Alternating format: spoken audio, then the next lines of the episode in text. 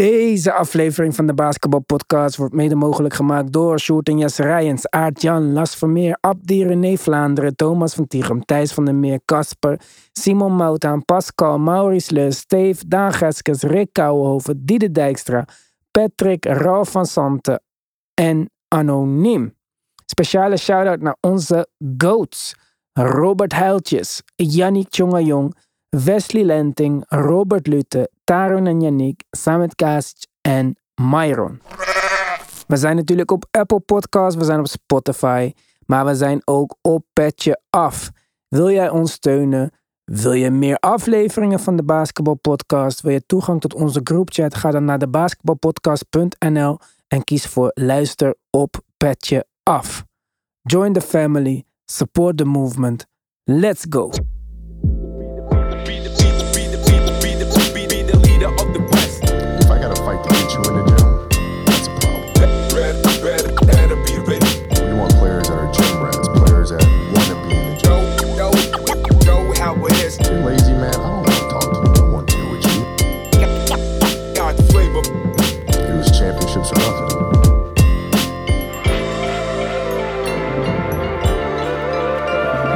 Ja, Tim, dan denk je dat je alles goed plant. En dat we hier een soort van eh, wrap-up gaan doen van eh, de conference finals. Maar dan eh, regelt Miami zijn zaakjes niet. En dan hebben we nog een wedstrijd te gaan. En dat is oké. Maar dat heeft er dus wel voor gezorgd dat deze podcast iets later verscheen deze week. Maar niet gevreesd, we zijn er weer. Een dag na de aankondiging van het pensioen van Carmelo Anthony. En daar gaan we het op petje af over hebben. Maar wat wel grappig is, en dat zal jij ongetwijfeld alweer eerder voorbij hebben zien komen dan mij. Carmelo Anthony heeft natuurlijk ook nog een soort van aandeel in de aankomende finals. Want het was de pick swap die New York naar Denver stuurde voor Carmelo Anthony, waarmee Denver Jamal Murray drafte. En die is 50-40-90 in de conference finals. Zo valt alles terug te herleiden. Ik eh, wist dat niet, heel eerlijk gezegd. Maar dat Echt? is een leuke. Ja, Eindelijk nee. heb ik iets waar ik jou mee. eh, Ja, ja, Ah, dat is een leuk gegeven. Ja. Grappig hè? Na Ja. al die jaren dat het toch terugkomt. En dan op het moment dat de nummer 15 van de huidige Denver Nuggets de MVP wint van de Conference Finals, Western Conference. Gaat die andere bekende Denver nummer 15 met pensioen. ja, het zal een interessante zaak worden in hoeverre ze die eh, spelers slash, slash nummers eh, uiteindelijk gaan retiren. Gewoon allebei. joh. Kan hè? Ja. Ja, waarom? Ik snap niet waarom mensen allemaal zo moeilijk daarom doen. En gelijk de post. Ja, wie wordt het nou? Nou, omdat ik niet weet of bij velen bekend is dat het kan. En als het dat, moet als het niet je- kan. Je mag je eigen shit bepalen. Ja, ja, goed. Mensen zullen dat denk ik aannemen. En zullen denken, ja, zolang er eentje nog actief is met het betreffende nummer. eh, kan, op, kan bij, hetzelfde, bij hetzelfde geval, of bij dezelfde eh, club in dit geval. eh, niet dat, niet dat nummer, uit, nummer uit de relatie worden genomen. Ja, uit de relatie worden genomen, maar je kan alsnog zijn shirt in de rafters hangen, toch? Toen Larry Nance naar Cleveland ging, mocht hij ook op, met zijn vaders nummer spelen die geretired was. Die Ja, maken hun eigen regels. Hang dat shirt van Carmelo hoog. Al weet ik niet of ja, moet Ik dat? weet niet of ze het gaan doen. Maar Ja, misschien ehm, ze zouden het wel moeten doen, laat me duidelijk zijn. vind je Dat wel. dat? Want eigenlijk, wat heeft hij gedaan? Zijn naar de Western Conference Finals geleid? Je moet het wel in de context van de club, van de club zien, wat mij betreft. En het was natuurlijk geen, geen barsten succesvolle club. Dat is het lange tijd niet geweest. Want, eh, ja, dit is natuurlijk in feite de eerste keer dat ze echt, echt, echt su- succes boeken. Ik weet niet wat wel- jij zegt, maar ze hadden gewoon de meest succesvolle Nederlandse speler alle tijden op hun roster. Ja, dat, dat dan weer wel. Dat is waar, ja. ja. Maar geen, geen finals appearance. Nee, wel Western Conference Finals natuurlijk Western tegen de Lakers. Ja, dat was een hele leuke serie. Heel competitive. En Ja. dat was wel, zeg maar, ehm, ja, een van de succesvolle momenten van een heel leuk team. Dat eh, ja, toch ook wel wat meer nationale bekendheid vergaarde. En die nationale bekendheid is een terugkerend thema in Denver. Om een hele hoop redenen. Maar een van die redenen is natuurlijk, ja, dit team heeft lange tijd gewoonweg niet eh, het meest su- succes geboekt. Dus eh, ik denk dat Carmelo Anthony daar wel een groot onderdeel van is geweest. Van ja, het op de, op de kaart zetten van, van de Nuggets. Dat denk ik ook. Maar meer Carmelo Anthony dus op petje af. Nu gaan we het hebben over de huidige Nuggets, want die zijn ook niet mis. Ja. 4-0, sweep. In de lijn der verwachtingen of is dat een beetje achteraf gezegd te makkelijk praten? Ja, ik denk dat dat wat te makkelijk is. Tenminste, ik heb ons niet kunnen betrappen op een voorspelling die iets van, eh, van een sweep eh, in zich had. Ehm, en ik denk ook wel dat het een beetje een vertekende sweep is. Daarmee wil ik niks afdoen aan hoe goed Denver het heeft gedaan. Maar meer nog aan ja, hoe competitive die series was, hoe competitive die wedstrijden waren. Want, want dat waren ze wel. Alleen, ja, de Nuggets bleken gewoon echt superieur eh, op de momenten die het toededen. En, en ja, dat is misschien nog wel, nog wel meer credit naar, eh, naar dat team. Ja, maar als jij even teruggaat in eh, ons gesprek, wat wij typen naar elkaar, dan kun je zien dat ik een voorspelling had gedaan. En beat in de tweede ronde naar huis.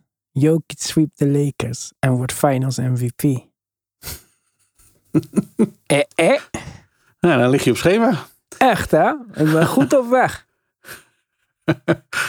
Ja, ja, dat ben je zeker, ja. ja het, het is, eh, het is uiteindelijk zover gekomen. Ik had dat niet, ik had dat niet per se eh, eh, gedacht. Ehm, de Nuggets waren in zijn algemeenheid, zo werd wel verwacht, het betere team.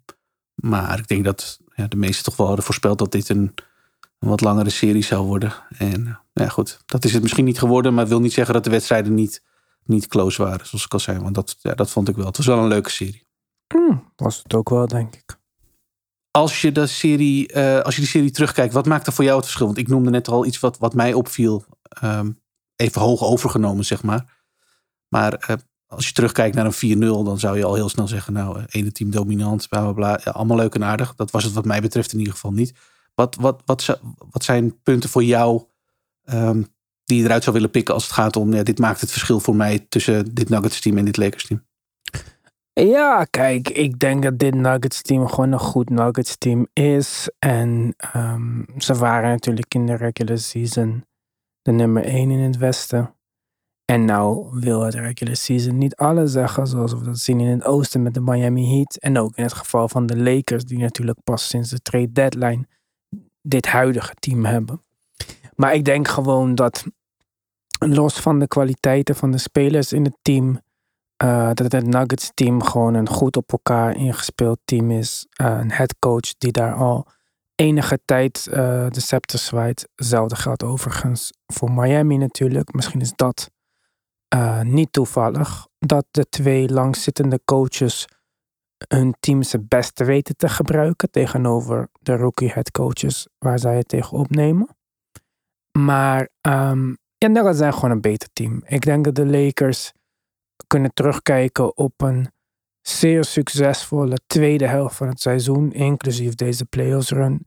Ik denk dat niemand in januari dit had kunnen verwachten dat dit nog zou gaan gebeuren. Toen was alle focus op LeBron's record. Ik vind persoonlijk dat LeBron heel goed heeft gespeeld deze serie. Ik vind dat er heel veel kritiek is op hem die ik niet helemaal begrijp. Dus dat vind ik dan ook niet. eh, Ik denk alleen dat het voor de Lakers, hoe positief ik ook vind dat je nu gestemd zou moeten zijn over ja, tot hoe ver ze zijn gekomen uiteindelijk, een heel lastig offseason te wachten staat. Kijk, dat LeBron gaat retiren, daar geloof ik helemaal niks van. Nee.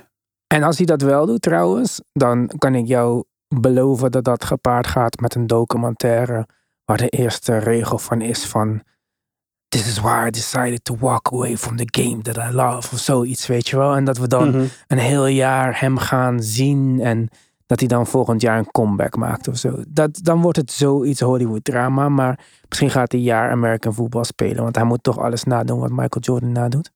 Dus eh, kan hij dat proberen.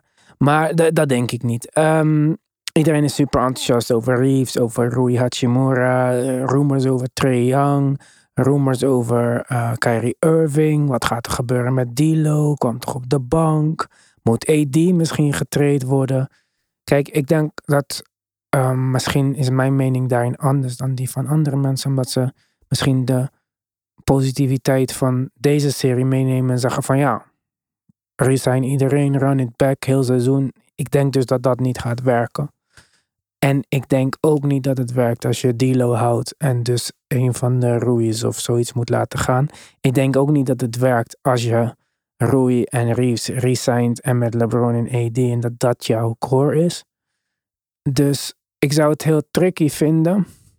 Ik zou het heel interessant vinden om te kijken of er een optie bestaat bij de Lakers om ja, misschien een side-in trade met Dilo en dan om AD te traden. En om dus wel Reeves te resignen en Rui en misschien nog wat jonge mensen en eventueel een hoge draftpick uit deze draft voor AD of dat uh, zou ik leuk vinden. Want ik denk dat hoe goed de Lakers ook waren tegen de Warriors, want die hebben ze gewoon uh, op volle kracht verslagen.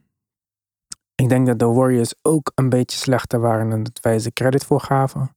Niet dat dat, dat bedoel ik weer niet ten nadele van de Lakers of hoor. Maar de, Warriors waren niet de Warriors van vorig jaar. En dat is ook weer een probleem wat zij moeten oplossen. Lakers waren de verdiende uh, finalist. Western Conference Finals finalist, 100%. Hebben dat op eigen kracht gehaald. Alleen ik denk, net zoals ik dat al dit jaar zei bij Boston, dat je nu hier staat, wil niet garanderen dat je volgend jaar met een paar kleine tweaks automatisch een stap verder komt.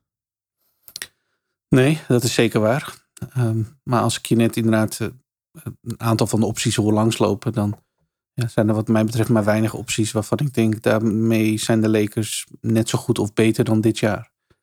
En dat zal wat mij betreft, kijk, het is natuurlijk een beetje um, bewegen tussen de lange termijn planning en ja, het beter worden dan dat ze nu al waren. Want ja, dat is eigenlijk wat je uiteindelijk als front office moet doen als LeBron op je team staat. Je weet hoe dat gaat. Mm -hmm. Maar ja, oké, okay, ik laat je eerst uitpraten. Nou ja, dan, dan hoor ik je over, eh, laten we AD traden om, om misschien nog een draftpick dit jaar. En allemaal dat. Dan denk ik, ja, volgens mij kom je bij LeBron niet binnen met dat soort uh, uh, praat. Hij, wil, hij, wil, hij heeft niks aan draftpicks en hij wil gewoon dat, dat, dat ze beter worden. Ik denk dat dat een van de redenen is dat hij al eerder uh, gelobbyd heeft om Kyrie binnen te halen. Ja. Um, en ik denk dat dat een van de redenen was dat hij riep wat hij riep na de wedstrijd. Ja. Om de druk alvast weer een beetje op te voeren. Ja, ik vind dat, perso ja, ik vind dat persoonlijk een beetje zielig. Maar um, niet alleen dat. Um, ik denk niet dat er een trade is. Niet voor Kyrie, uh, niet voor ja, Trae Young, die wordt ook genoemd. Ja. Uh, ik zou Trae Young zelfs nog eerder doen dan Kyrie. Ik vind Kyrie beter, maar ja, kom op. Uh, ik, ben wel een beetje klaar nu met Kyrie eigenlijk. Ging met KD spelen en zo. Daar kon hij het leven niet serieus nemen. Halfjaartje Dallas. En dan nu weer naar de Lakers. Weer met LeBron. Ik zou daar persoonlijk niet op zitten wachten als ik een Laker-fan ben. En als ik naar de Laker-fans kijk die ik ken. En als ik kijk welke berichten er op Instagram verschijnen en de social media. En zelfs welke berichten van ons het goed doen. Dan zie ik meer enthousiasme over Austin Reeves dan over AD. En de Lakers zijn dan misschien wel dat Hollywood-team en zo. En LeBron kan dan denken dat hij nog kan competen, wat hij niet kan. Want LeBron had gelijk toen hij zei dat hij beter was dan 90% van de league. Maar een top 50 speler is niet genoeg om een kampioenschap te winnen in zijn eentje. En dat is de top 10%, 10 van de league. Top 45 maar, speler.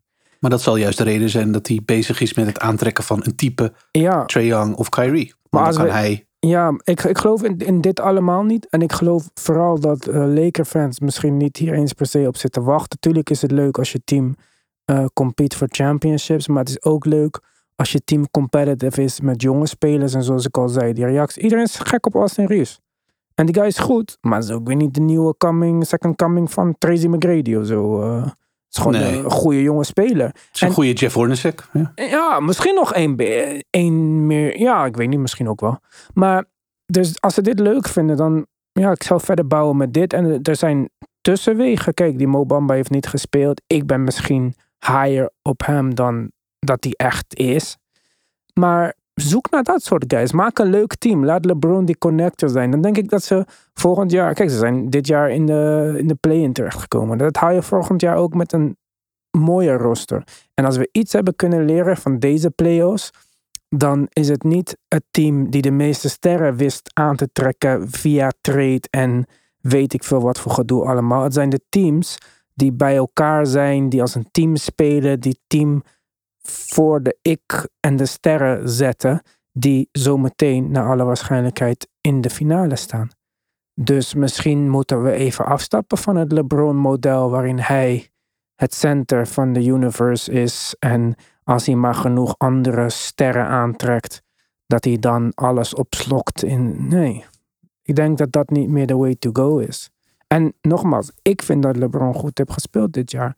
Maar het was wel een andere LeBron dan dat we gewend zijn. Daarom zijn mensen misschien teleurgesteld in hem, omdat hij niet meer die Thor-achtige power heeft en met zijn hamer kan slaan en dat alles maar in zijn richting valt. Nee, hij is nu gewoon echt een, een soort van oprichting naar Grant Hill bij de Suns. Ja. En dat is een vet goede speler, hè? Dus dat is mijn punt. Per die met leuke jonge guys. Toen, Austin Reeves is gewoon een starter in deze league. Ik weet niet wat er met Rui is. Was dit een piek? Kan hij dit doorzetten? Hij is nog steeds een jonge speler die met mental health dingen zat. In een organisatie waar niks uh, goed komt. Dus misschien heeft die nog eigenlijk helemaal niet zijn full potential bereikt. Er zijn zoveel spelers hier ergens in de buurt, in de ronde league, die je kunt aantrekken, die kunnen helpen om gewoon het gemiddelde niveau omhoog te trekken. Kijk, de grote off-season signings van de Nuggets, waarmee dit team dus de, nu de finale haalt, zijn niet de KD's en de Kyrie's en de D'Angelo Russell. Het zijn KCP en Bruce Brown. En natuurlijk waren daar al twee sterren, dat ontken ik niet. Maar ik denk, uh, het, het, het, ligt eraan wat de Lakers willen. En inderdaad, ik, als ik nu Rob Pelinka was en ik heb nu alle vertrouwen in Rob Pelinka na wat hij de laatste trade deadline heeft laten zien. Want hij heeft echt een konijn uit een hoge hoed getoverd. Dan zou ik gewoon tegen LeBron zeggen van... Oké, nou als jij wilt retiren, dan ga je maar retiren. Maar wij gaan jouw contract niet ontbinden. Dus dan ga je ook niet ergens anders spelen. En anders ga je gewoon get with the program. En wij gaan een normaal team bouwen. Waren die... Uh trades rondom de trade deadline. Um, zijn die achteraf gezien misschien overschat? Als je ja, kijkt naar de rol van, van Malik Beasley en uiteindelijk ook Vendo in de, in de playoffs, die ja, beide. Ja, maar Vendo heeft wel vanaf de play-in tot deze ronde toch een goede bijdrage gehad. De man stond ja, Steph Curry te verdedigen, vriend. Ja, maar het liep steeds, zijn minuten liepen steeds meer terug. Ja, Omdat hij aanvallend, ja steeds minder uh, bruikbaar bleek. Het is natuurlijk een fantastische verdediger. En voor wat hebben ze hem getraind? Nee, nee, het, het was, het, het, is geen inzet. Het is, het is letterlijk een vraag van, ja, is dit... Uh, ja. Hoe moeten we de impact van die trade zien als je de spelers... Uh, ik, ik, ik, was er net zo goed hartstikke positief over. En ik heb nog wel aanvullende argumenten om daar positief over te zijn. Maar als je kijkt naar wat de spelers uiteindelijk betekend hebben... dieper in de playoffs... Die, die, nou ja, veel van de spelers die we zijn binnengekomen toen in die trades... Mm ja, dan, dan bleef dat redelijk beperkt uiteindelijk. Ja, en inderdaad, als ze daar uh, drie first round picks voor hadden opgegeven, dan zou ik ook zeggen, oeh, misschien toch een beetje zonde. Maar ze hebben die gekregen voor een paar second round picks en Russell Westbrook. Ja. Een speler die ze niet konden wachten tot hij gewoon zou verdwijnen van de aardbodem. Want het was heel duidelijk dat dat niet werkte met LeBron, mhm. zeg maar. We kennen allemaal bekende filmpje natuurlijk. Maar dus ik denk dat het, ja, was het een succesvolle trade? Ja, als je het zo gaat opnoemen. Bamba heeft niet gespeeld. Malik Beasley was not playable uiteindelijk. Wendebeeld zijn minuten liepen terug. D'Angelo Russell is meteen toch niet de toekomstige starter van de... Ja, oké. Maar, maar goed, dan hebben ze, hebben ze in ieder geval wel een heel groot contract opgedeeld in kleinere, al dan niet aflopende contracten. En hoe dan ook, heeft die actie een butterfly effect veroorzaakt. Ja, het is wel vooruitgegaan ja, het team. Ja, dus en dat is wat ik zeg. Ze zijn geen first round picks kwijt of zo. Nee, dat is waar. Dus dan denk ik van ja, als je het zo opreekt in individuele spelers en prestaties, ja, misschien niet. Maar als je kijkt naar de ommekeer die dat team heeft gemaakt en de impuls die ze hebben gehad van deze uh, trade. En als je mij toen vroeg, had ik ook gedacht dat Malik Beasley en D'Angelo Russell een grotere impact zouden hebben dan Rui Hachimura. Ja, klopt, dat is waar. Wat Rui heeft gedaan, dat, uh, Ja, dat Ja, had ik in, eh, in- met hele lange stretches nooit verwacht. Nee. Nee, ik, die, die heeft eindelijk waargemaakt wat hij is. En Ja. ik, ik denk dat hij. eh, ja, hij heeft die laatste game gestart natuurlijk. Ik denk dat met andere backup, want dat was ook een beetje het probleem waarom hij misschien niet al eerder in de starting line-up is gekomen. Ze hadden gewoon geen backup bigs. En ja, ik denk dat, ik denk dat Rui goed genoeg is om te starten in de, in de NBA. Denk ik. Durf ik, Ja. zou ik niet mijn hand voor in het vuur steken, maar ik denk het wel. Nou, en Austin Reeves ook. Nou, dus dan heb je al drie starters, wat mij betreft. Want van die pannenkoek zou ik wel afscheid nemen. Wie, Anthony Davis? Ja, en ik denk dat je nog best eh, een groot pakket daarvoor terug kan krijgen. Want ik denk dat er andere teams zijn die hem wel zien als... eh, ja, niet de savior, maar een mooie aanvulling. Nou, dat denk ik zeker weten wel, ja. En wel iets meer dan dat ook. Ja, dus dan denk ik dat je daar echt rijkelijk misschien eh, iets voor terug kan krijgen. Ja. Ja. Ik, zou, ik zou dat doen, maar ik bedoel, ik, mijn, al mijn visie over teams zijn vaak blow it up. En, en niet omdat ik wil dat ze naar beneden gaan, maar omdat ik het gewoon zinloos vind als ik denk dat het uiteindelijk toch niet goed genoeg gaat zijn. Nee.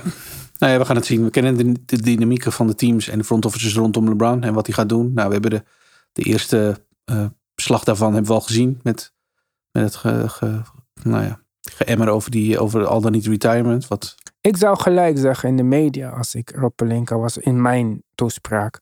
Oh, ik vind het echt eh, super jammer dat hij daarover nadenkt. We zouden hem graag terug willen zien volgend jaar. Maar if not, wij zijn zo dankbaar. En natuurlijk eh, betalen wij zijn contract gewoon door volgend jaar. Heel veel plezier met eh, Taco Monday tot en met zondag. dan drukt hij al zwaar aan de begroting voor iemand die er niet is. Ja, nou en. Hij gaat sowieso niet voor een ander team spelen. En, Nou, dat moet ik nog maar zien. Volgend jaar niet, nee. Ja. jaar erop wel. Ja, maar daarom denk ik dat hij misschien met pensioen kan gaan voor een jaar. Waarom niet? Nou, omdat ik denk dat, het, dat er heel andere, eh, heel andere bewegingen spelen, spelen. Hij speelt natuurlijk met een voetblessure die, eh, die, die nog steeds lingering is. Je hebt kans dat hij daar voor onder het mes gaat komende zomer. En dat, eh, dat hij de tijd neemt om daarvan te herstellen. Hij zei letterlijk bij het uit- uitlopen van het stadion na die persconferentie. Tegen die McManaman van ESPN zei hij... eh, eh, ja, ik weet niet of ik de komende herfst bij het team ben. Ja, dat zou kunnen wijzen op eh, dat hij gewoon zijn tijd gaat nemen om te herstellen. Ja, ik, eh, ik weet het niet. Ik vond hem erg vroeg met weglopen ook. Ik vond dat niet zo sportief. Ik, eh, ik weet niet wat hij gaat doen. Hij kan ook eh, besluiten om eh, keeping up with eh, James eh, te doen. En gewoon dit te promoten als basketball's first family. En een mooie real life soap eromheen te maken. Zijn jaar of. Hij doet maar wat hij moet doen. Maar in ieder geval was dit het laatste wat wij over LeBron gaan praten. Tot de totdat de playoffs klaar zijn. Dus adios, amigo. Veel plezier in Cancun. Miami Heat, Tim. Ik dacht dat ze wel eventjes eh, dit af zouden maken thuis. Ja, ik ook. Na alles wat we van de Celtics hadden gezien, eh, lag dat, eh, was dat niet zo'n heel spannende teken meer. Maar goed, dan zul je net zien dat de Celtics, die zich eigenlijk al de hele playoffs niet echt goed laten voorspellen, ja, dan toch weer zichzelf oprichten en ja, de series extenden. En dan beginnen nu alle praat weer over, zou het dan toch niet toch de ommekeer van de serie betekenen? Ja, iedereen wordt een beetje zenuwachtig als de Celtics eh, een paar stretches van een paar minuten laten zien waarin ze, eh, waarin ze laten zien wat ze kunnen, zeg maar. Tegen een Heat team ja, ik weet niet hoe jij ernaar keek, maar ja.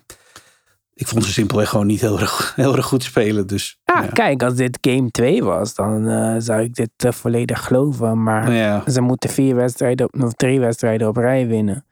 Of vier in totaal dan. Zonder er één te verliezen tegen deze Heat. Nou, dat zou voor mij wel betekenen dat Jimmy Butler geblesseerd moet raken of zo. ja, ja. Cape Vincent gaan moeten we wel afwachten. Dat is ook wel belangrijk. Ja, maar zelfs dan moeten ze wel drie wedstrijden achter elkaar winnen. Denk je dat Kyle Lowry niet over drie wedstrijden 40 minuten kan spelen? Ja, Push it to the eh, limit, jongen. Dit liedje hoor ik in Ja. mijn hoofd de hele dag als ik naar eh, Miami Heat kijk.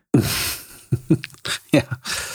Ja, ja Kyle Lowry heeft nog niet zo'n goede zin. Maar ik, ik snap je punt. En dat is Ja. waar. En dit is wat we van de Heat al de hele tijd hebben gezien. Dus iedere keer weer, wel, weer, eh, wel weer iemand die eh, nou ja, eh, opstaat om als 1B of als de, de perfecte nummer 2 achter Jimmy Butler gewoon zijn bijdrage te leveren. Ja, dus daarom. En ik denk gewoon, nogmaals, als het het begin van de serie was of na game 2 of zo, dan zou ik zeker zeggen dat eh Celtics een goede kans maken. Helemaal als er iets is met Gabe Vincent. Maar ja, vier wedstrijden achter elkaar winnen tegen deze Heat. Lijkt mij een hele, hele lastige en dan waarschijnlijk voor het eerst in de historie prestatie om eh, te maken. Ja, het zou de eerste keer in de historie zijn. Ja, dus dat, weet, dat soort dingen. Ik snap dat dat nooit echt per se helemaal meetelt met wat er nu gaande is of zo. Maar dat maakt het voor mij altijd dat ik denk van ja, de kans dat wij dat nu voor de eerste keer gaan zien met een team wat al gewoon de hele tijd compleet is en zo. Het is niet alsof nu opeens Jason Tatum terugkomt na drie wedstrijden, blessure. Nee. We gaan gewoon dezelfde teams nog drie keer tegen elkaar zien. Of maximaal nog drie keer tegen elkaar zien dan denk ik niet dat Boston die drie wint. Aangezien de winst van de Heat ook dominanter waren dan deze, denk ik. Ja, ik vond dit, ehm, nou ja, wat ik zei, in stretches misschien leuk en, en aardig vanuit eh, de Celtics zijnde. Maar al, al in al had ik niet het idee, sowieso niet bij deze wedstrijd. Ik dacht van wauw, wat een wervelende wedstrijd, wat leuk. Nee. Ja, het was een beetje was saai, hè, deze. Ja, ja, het had niet echt het, niet echt het vuur in zich wat ik misschien eh, ja, wel had verwacht. Vanuit de Heatkant misschien zelfs nog wel begrijpelijk. Ja, dan ga je nu terug naar Boston, waar de Celtics niet echt overtuigend zijn thuis. Mhm. Dus of dat nou nog een argument is om te roepen, nou, nou, de Celtics kunnen wel weer terug. Ja, ik weet het niet. Ik, ik heb moeite. Ik zou daar juist het tegenovergestelde van Ja, denken. Ik denk wel. dat eerder Jimmy meer gemotiveerd is om te winnen in Boston. Ja, Ik denk, ik denk dat de kans groter is dat Jimmy expres heeft verloren om de Boston fans extra veel pijn te doen, dan dat Boston nu veel beter gaat zijn thuis. ja, ja, het is voor beide ploegen, wat mij betreft, geldt uh, thuisvoordeel. Ondanks dat je dat in Boston wel verwacht. Als je kijkt naar de resultaten, geldt dat niet. In Miami heb ik altijd sowieso een waardeloos hok gevonden. Met uh, veredelde sensation whitegangers die uh, binnenkomen Ja. wanneer ze willen en gaan wanneer ze willen. Ja, echt. Hè. Dat is echt bizar hoeveel Waardeloos lege stoelen daar. daar zijn. eh, gewoon Ja. een kwartier na de rust. Of zo. Ja, nu ook. Ik zat het in de gaten te houden. Het was echt. De wedstrijd was al lang en breed bezig. En dan zie je hele horde mensen binnenlopen. Ik denk, ja, wat- Ja, gewoon wat wil je fuck nou? Ik sta nog even op het strand. Maar helemaal niet zoveel uit. Ja, ik weet niet. Als ik in Miami woon, dan zou ik wel vaak gaan kijken. Helemaal in de playoffs. Maar ja. Ja, als je zo'n goed team hebt. Kijk, als het nou nog een team is wat nergens om speelt. Dan snap ik misschien nog dat je niet zo enthousiast bent. Maar dit Ja, team doet regular gewoon... season zou ik ook niet gaan hoor. Nee, maar dit team doet gewoon serieus mee. Dus Ja, gek dan. En eh, aan de andere kant, hè, want bij Boston. Nou ja, kijk, eh, ik had dacht dat ik net een beetje was bijgedraaid over Jason Tatum. Verdwijnt hij praktisch elk vierde kwart eh, deze hele serie. Dus ja, ik weet het niet met die jongen op dit moment. Maar ik denk dat de grootste twijfels voor mij bij dit team. Want volgens mij is Brown ook een beetje geblesseerd. Die had dat elleboogding in de eerste wedstrijd. Zijn voor mij de grootste twijfels bij Missoula, man. ja, ja Missoula leert, eh, leert onder onze ogen. Maar inderdaad, eh, eh, ja. het- Ja, niet overhaast gelijk reageren van hij moet weg of zo. Maar nee, nee, nee. Ik weet niet of hij.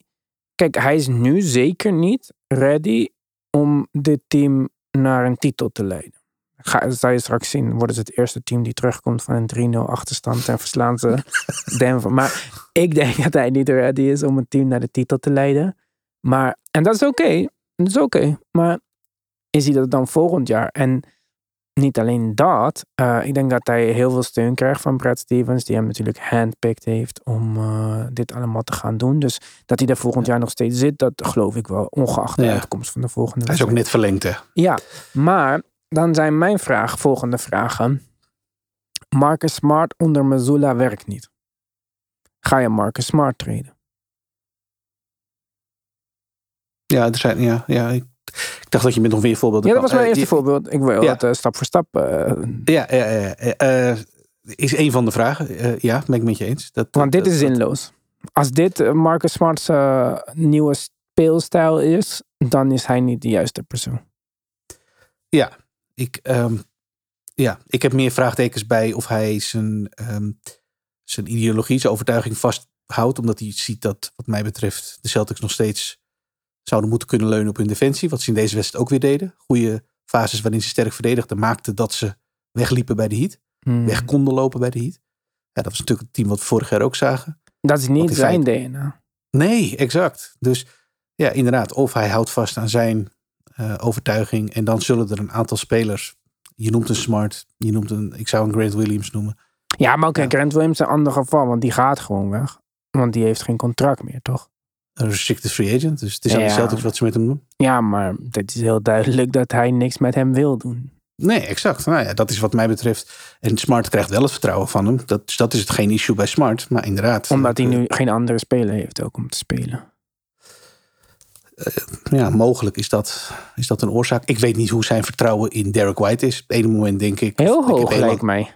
Nou ja, gedacht. Maar Derek White heeft, eh, heeft ook eh, ehm, een wedstrijden gehad dat hij, eh, dat hij heel weinig speelde. En eh, nou, dan weer van de bank kwam, dan weer starten. Het, het, is, het is een rodeo geweest. En in dat opzicht zijn we. En dat vind Ja, ik weer schadelijk voor Rob Williams. Want Ja, die is daar ja, eigenlijk een beetje de dupe van. En die, ja, ik ik vond hem in heel veel stretches in deze playoffs heel goed. Maar vooral vorig jaar vond ik hem heel goed. Denk omdat hij geblesseerd was. Dat het ook gedeeltelijk niet zo goed ging met de defense van Boston af en toe. Ja, hij is, hij is, daar, ja, hij is daar absoluut een, een, een kritiek onderdeel van. Ehm, maar ja, En een zeiden jonge het net zelf al. Ja. Ja, dat ook. Maar goed, de, de, Mazzulla kijkt eerder naar, naar de andere kant. Omdat hij eh, uitgaat van een defense first team. ja, maar ook daar heeft hij toch nooit laten zien dat hij echt helemaal niks kan of zo. Ik Oh, vind nee, Rob Williams best een goede handen hebben, zeg maar, voor een center. Eh, op een bepaalde manier, ja. Ja, maar beter eh, dan een Mitchell Robinson, Capella, Claxton, Jared Allen. Ik vind hem wel beter dan hen, zeg maar. Ik vind, hij is geen Horford of Jokic of zo, of Sabonis. Nee, natuurlijk niet. Maar ik vind hem niet Ja, nuttig. ik schat hem eigenlijk aanva- op aanvallend vlak. Hè. Dus eh, puur even over aanval. Mhm. Zou ik hem in het lijstje wat jij noemde eigenlijk... Ja, zou ik hem tussen zetten. Ja, ik zou hem wel eens een stapje hoger wat- zetten. Ja, hij is wat atletischer. Dat, dat, dat wel. Ja, maar ik vind ook dat hij wat, beter, ehm, ja, wat betere passing skills heeft. Ah, passing skills. Nou, oké. Nou, dat is fair. En dat maakt hem voor mij dan, en voor ook nog een jonge guy. hè. Ik zeg niet dat hij ooit Horford gaat worden of zo, maar ja, dan, dat geeft mij meer hoop. En hij was vorig jaar heel erg belangrijk. Ik vind ook nu dat hij aanvallend meer gebruikt kan worden, wat dus niet wordt gedaan. En dat zou misschien ook weer geholpen kunnen worden door met een meer traditionele point guard te gaan spelen. Als je dan zo wil spelen en je houdt erop Williams. Dat je wat meer loptred eh dingen hebt. dat, lijkt me een ja, dat lijkt me een absoluut noodzakelijke aanpassing. ja, maar dat kan, dat kan niet met dit team. Want Nee, oh, nee, klopt. En dus het is heel. Ik, ja, ik ben er nu een beetje naar war, weet je wel. Want Brad Stevens heeft het team natuurlijk heel lang gecoacht en daarna verder opgebouwd. Judoka nam het over. En het liep voor geen meter en hij bleef maar hameren op zijn ding. En dat ding van hem werkte uiteindelijk heel erg goed. Marcus Smart ook nog in dat systeem uitgegroeid tot verdedigende speler van het jaar. En dan heb je nu dit, weet je wel. Een team wat eigenlijk keer op keer ten onder gaat door defense. Op de wedstrijd van afgelopen nacht na dan.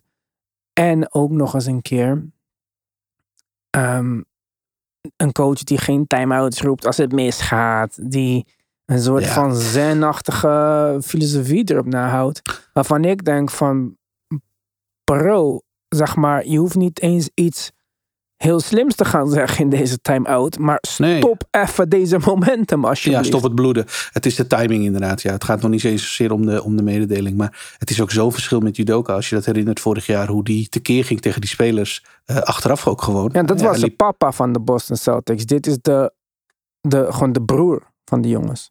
Ja, want dan, dan gaan ze zo kansloos ten onder in de, in de vorige, vorige, vorige game. Was het game, game 3? Ja. Toen waren de, was de sfeer echt heel negatief. En dan zit hij daar. Ja, het is mijn schuld. Ik had, het beter, ik had die jongens beter klaar moeten maken voor deze wedstrijd. Nou, allereerst, dat is geen argument. Jongens beter klaar moeten maken voor een wedstrijd. Vind in ik de- ook niet trouwens. Dat, dat, daar hoeven we niet eens over te praten. Maar dat je daar zit en je zegt dat. Ik zou zeggen, zeg, zet judoka op die plaats en vraag dan wat er misging. Hij zou dat waarschijnlijk het hele team killen. En eh, dat zorgde er op een gegeven moment wel voor dat die jongens ja, met, met, ja, met de tanden bewapend eh, eh, op, Ja. op het veld stonden en de boel gewoon kilden. Dit Dus, moet bij die jonge jongens. En Reggie Miller. Bij deze groep blijkbaar wel. Ja, Reggie Miller zei dat ook gisteren in de, in de broadcast. Van, je, ik, niemand hoefde mij te motiveren. Ik kwam gemotiveerd. Denk je dat Tuurlijk, Eric Spoelstra fucking Jimmy Butler gaat opbellen en zeggen... Hey, Eye of the Tiger, hè? Nee, Ja. tuurlijk niet, joh. Jimmy Butler is mensen aan het opbellen om eh, dat te doen. Het is ook een beetje je eigen verantwoordelijkheid. En ik denk eerlijk gezegd dat dat gewoon wel een beetje... Dus dat is waar ik het vaak over heb gehad, toch bij Tatum. Geen killer mentality. En dat is ook Mhm. misschien een beetje eh, waar dat op neerkomt. Het is gewoon een young boy met een hoop skills in de social media era die heel populair is. Vindt het belangrijker om zijn zoontje op de camera te krijgen dan eh, om Ja, maar hij was vorig jaar wel onderdeel van dit team wat het welkom. Ja, omdat Op hij verdedigend dat, vlak, hè? Ja, omdat hij ook een goede verdedigende skills heeft. Maar hij had Ja. wel een duidelijker afgekaderde rol in dat systeem. En daarin kon hij vrij zijn offensively, omdat het systeem om hem een beetje was gebouwd. En defensively had hij gewoon een taak. En ook Marcus Smart en zo. En dat is nu niet zo. Ik zou niet eh, verbaasd zijn als eh, ze Marcus Smart treden in de offseason. En dan denk ik Oh, dat er een hoop teams eh, vooraan zouden staan. Waaronder En- Houston. Eh, Wil je niet Marcus Smart als vet in de locker room hebben? Met de coach die hem Defensive Player of the Year heeft gemaakt. Die daar aan Jalen Green en Shangoon en Jabari Smith moet gaan uitleggen dat we als allereerste gaan Ja, defenden voordat we jumpshots mogen gaan Ja. nemen. ja, dat is waar. Houston zal bij, eh, bij heel veel spelers aankloppen. Maar inderdaad, deze connectie is wel, eh, is, is wel logisch. Ja, ik denk dat dat een goede gelijke toonzetter zou zijn. Ik denk de eerste training, als je weet dat daar een Marcus Smart is, ja, dan kom je niet in je freshste, nieuwste sneakers of zo. Dan kom je ready, warm up en zo. Ja, ik zit alleen nog even te kijken hoe dat naast James Harden moet. Maar Ja, die komt niet, joh. die komt. Oh, nou, dat is volgens mij een gegeven feit inmiddels. Ja, denk je dat echt? Ja, man, dat hoor ik zoveel overal nu. Het wel meer, meer dan van, oh, dit zijn slappe geruchten. En Ik zou eh, dat we zo dom vinden. Ja, Dan Ja, zij- had je ook Judoka niet moeten aannemen. Dan kon je beter Nick Nurse neerzetten. Of Budenholzer zelfs. het schijnt dat er bij. ehm, Ja, de- iedereen hebben gevraagd, wil je James Harden coachen? ja, toch? Dat hij al genoemd is bij de interviews. Ja. ja. Dus dat, dat zou weer betekenen dat Udoka er van de mogelijkheid af weet. En kan ook een rumor zijn van de agent van Harden om druk te zetten op de Sixers dat hij toch echt die max deal wil hebben. Ja, dat is waar. En we weten van de Sixers nog niet wie de nieuwe coach wordt. Dat gaat misschien ook wel een rol spelen in Hardens eigen beslissing. Dus oké, het is niet 1 en 1 is 2, maar het is wel zo. Ja, oh, er is wel heel veel rook hoor. Eh, Ik snap je punt en ik weet ook dat Daryl... Ik denk dat Daryl Morey eerder Maxi en Embiid laat gaan dan Harden. Zo erg fan is hij van hem. Ja, Maar ehm, ja, ik, ik, zou het in alle, ik zou het dom vinden als Philly hem een max geeft. Ik zou het dom vinden als Houston hem een max geeft. Ik zou eigenlijk niet weten waar ik eh, James Harden zou willen zien.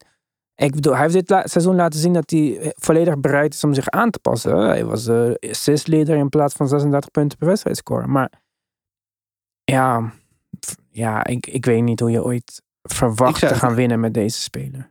Nee, dat, dat is punt 1. En 2, inderdaad. eh, ja, Max, dat, dat, daar kan ik ook niet over uit. Je kan deze speler op die leeftijd met, met wie hij is. eh, en je zou zelfs max money. We hebben dit eerder over Kyrie ook geroepen. Je zou zelfs kunnen denken, nou, ik geef hem wel max money, maar dan voor een jaar of twee. Maar niet vier jaar. Dat, Nee. dat, dat, dat is geen gedachte meer achter. Dat slaat werkelijk nergens op als je dat doet. Of het nou Philly is die dat uiteindelijk gaat doen, of Houston.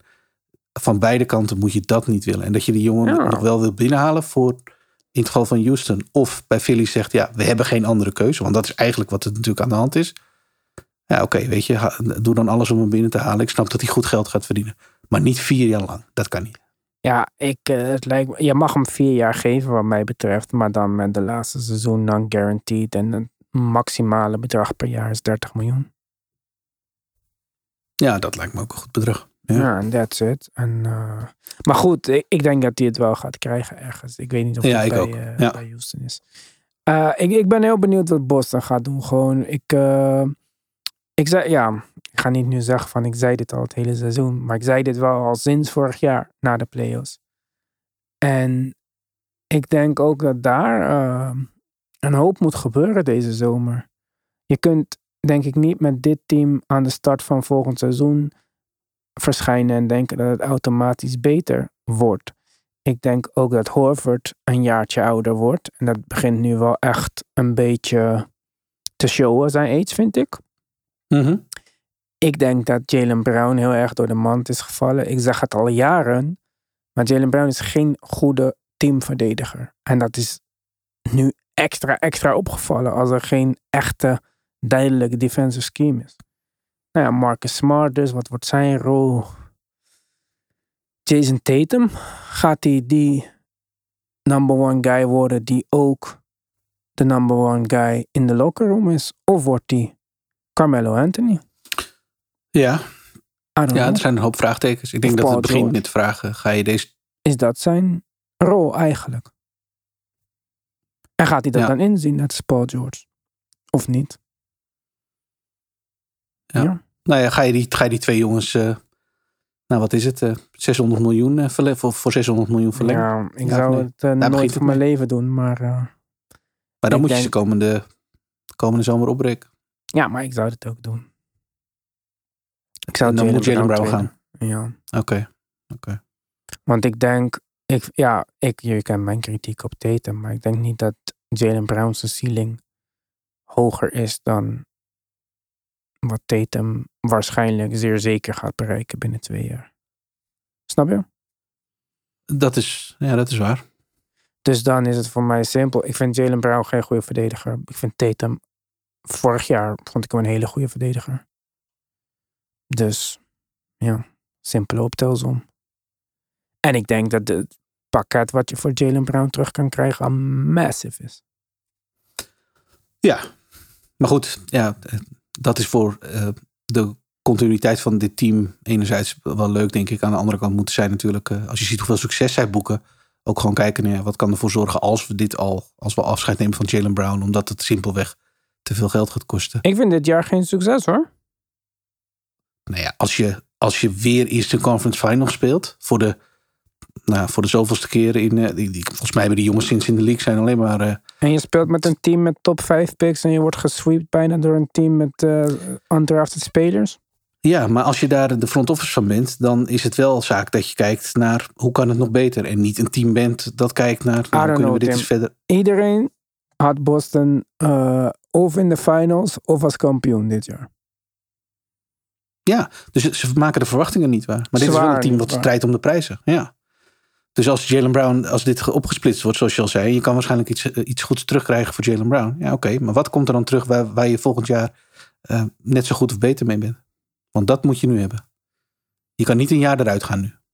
Nee, dat, zou ik, dat eh, denk ik niet. En dat zou ook zonde zijn van Tatum's ontwikkeling, denk ik. Nee, exact. Ja. ja. Maar ik denk wel dat er deals zijn om te maken. En ja, ik zou wel willen zien of er bijvoorbeeld een deal mogelijk is waarbij en eh Porzingis en Bradley Beal naar Boston gaan. Zo. Bradley Beal is de beste vriend van Tatum. Ja. Ja. Verdient een hele hoop geld. Ja, maar Ja, Porzingis weer wat minder en Horford verdient. Oh ja, Horford gaat volgend jaar maar 10 miljoen verdienen of zo. Ik weet niet, dat is niet de beste ideale trade op de planeet of zo. Maar ik weet niet, ik, eh, ik zou dit persoonlijk niet eh, nog een jaar doorzetten. Als Horford nou 25 was geweest, zeg maar, en Brogdon was eh, 25. En dan zou ik misschien nog denken, oké, nog een jaar. Maar Horford gaat jou misschien volgend jaar al niet meer geven wat je nodig hebt deze coach kan niet die, die rol voor Rob Williams uittekenen. Je hebt niet echt een point guard die hij blijkbaar wel wil hebben of zo. Ik weet niet wat zijn hele filosofie was met, dit, eh, met deze aanval eh, van hem. En die twee sterspelers, ja. Oké. Ik vind dit het team niet een team in balans met deze coach. Dus ja. Nee, dat ben ik met je eens. Dat, eh, daar zijn absoluut nog stappen te maken. Ofwel door hem, ofwel door het front office dat gaat ingrijpen en er wat beters van gaat maken. Eén van de twee. Ja. Ik denk dat het het front office wordt. Ja, ik kan me ook niet voorstellen dat ze afscheid van hem nemen. Nee. Heat in 6, Heat in 5. Ehm heat in, eh heat in, eh, heat in 6. Heat in 6. Ik denk Heat in 5. Dus, We gaan het zien. En vandaag je geen basketbal, maar gelukkig heb je deze podcast. En kan je op Petje Af verder gaan luisteren. Want wij hebben nog een aantal dingen te sp- bespreken. Waaronder natuurlijk Carmelo Anthony. We noemden het al eerder. De man gaat met pensioen. Ik wil wel even weten hoe Tim nou precies over hem denkt. Tot de volgende keer.